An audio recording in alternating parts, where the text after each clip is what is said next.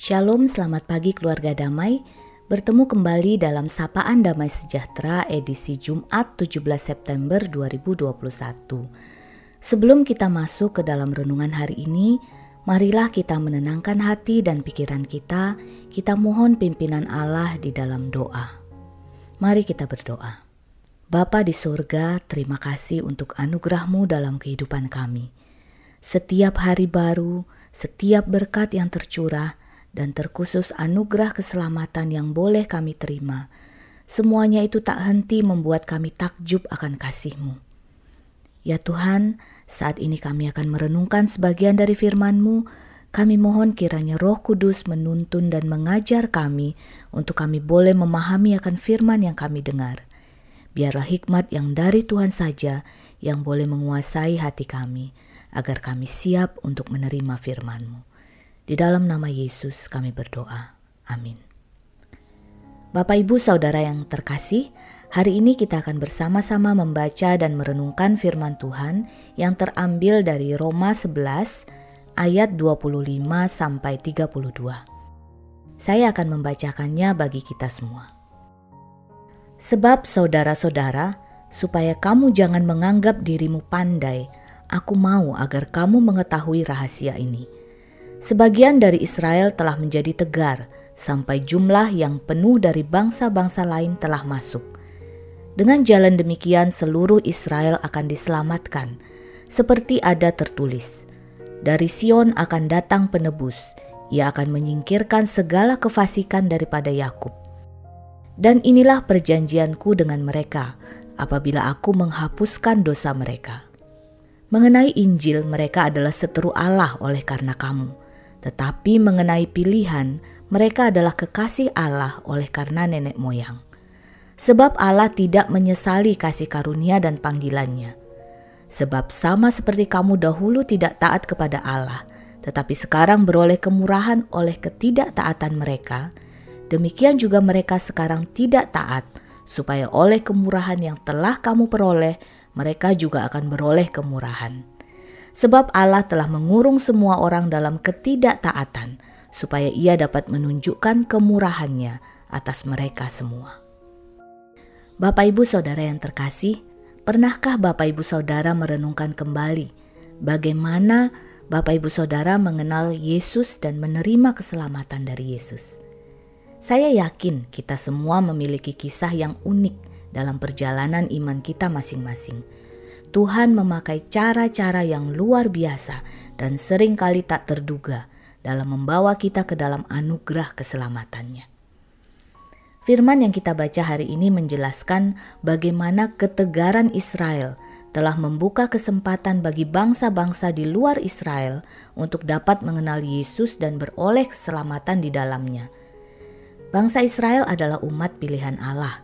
Keselamatan itu mula-mula disediakan bagi mereka namun mereka telah menolak Yesus, Sang Mesias, Sang Juru Selamat.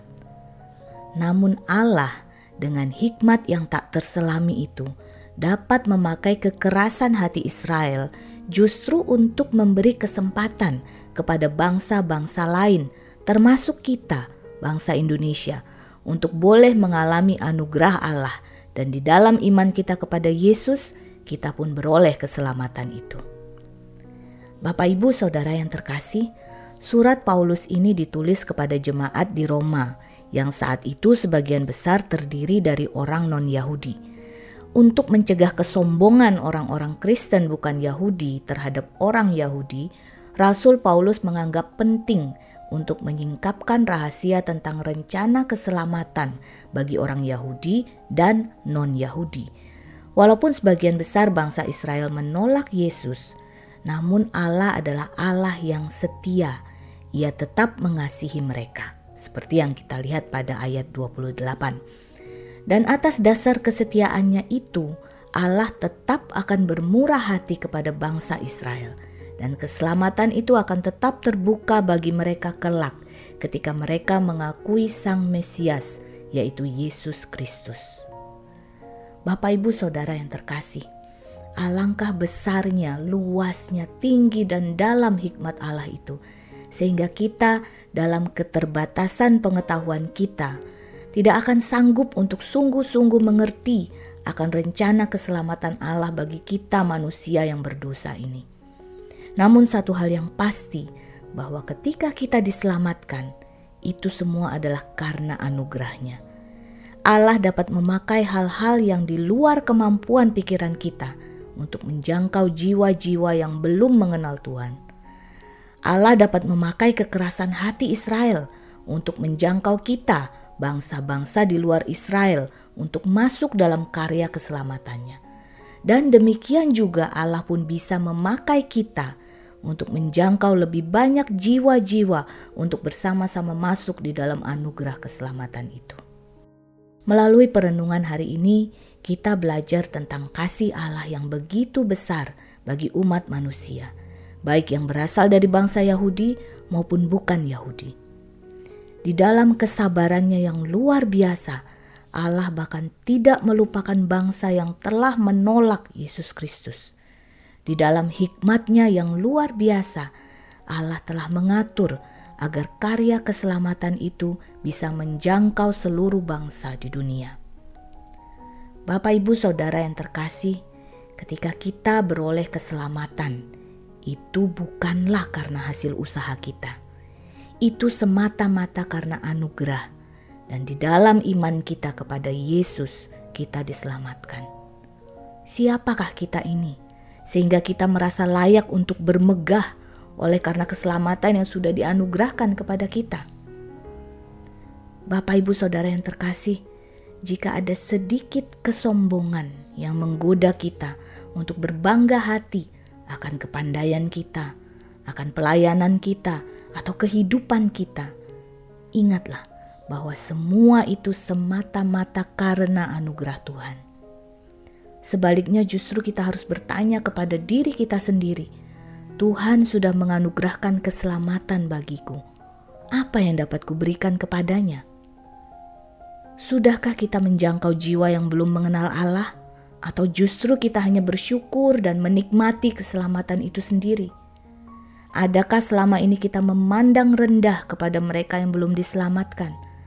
Ataukah kita memiliki hati yang sabar dan rindu untuk mereka juga boleh mengenal Yesus? Bapak, ibu, saudara yang terkasih, Allah memiliki rencana yang indah untuk keselamatan umat manusia. Memang kita tak sanggup menyelami hikmatnya, namun sebagai ungkapan syukur, marilah kita terus berusaha memahami kehendaknya dan secara aktif mengambil bagian dalam peran yang diinginkan Tuhan untuk kita lakukan. Adakah Tuhan memanggil saudara dalam satu bidang pelayanan tertentu? Pergumulkanlah dengan kesungguhan hati.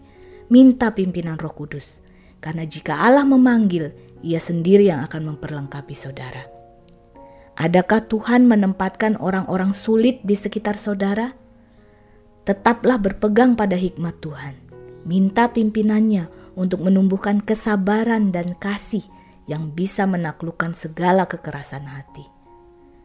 Adakah saudara merasa berkecil hati, tidak memiliki kemampuan untuk mengabarkan Injil keselamatan kepada orang lain?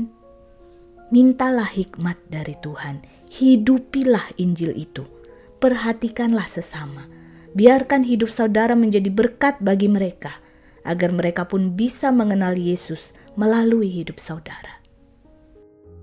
Bapak, ibu, saudara yang terkasih, Allah dalam segala keagungannya pasti akan menggenapi rencananya. Tapi baiklah kita merenungkan alangkah indahnya ketika kita dengan segala kerendahan hati mau memberi diri untuk dipakai dalam penggenapan rencananya yang mulia itu. Mari kita berdoa. Bapa di surga, tiada habisnya kami heran dan takjub akan kasih-Mu, kemurahan-Mu, dan rencana keselamatan-Mu bagi kami semua manusia berdosa ini. Bapa, biarlah kiranya hari ini ketika kami merenungkan kembali dan bersyukur akan keselamatan yang telah kami terima, ajar kami untuk kembali memperbaharui komitmen kami untuk memberikan hidup kami seutuhnya kepadamu. Ini kami Tuhan, pakailah kami Tuhan sebagai alatmu. Dalam nama Yesus kami berdoa. Amin. Keluarga damai, Yesus telah mati bagi keselamatan saudara dan saya. Maukah saudara dan saya untuk hidup bagi Dia? Tuhan memberkati.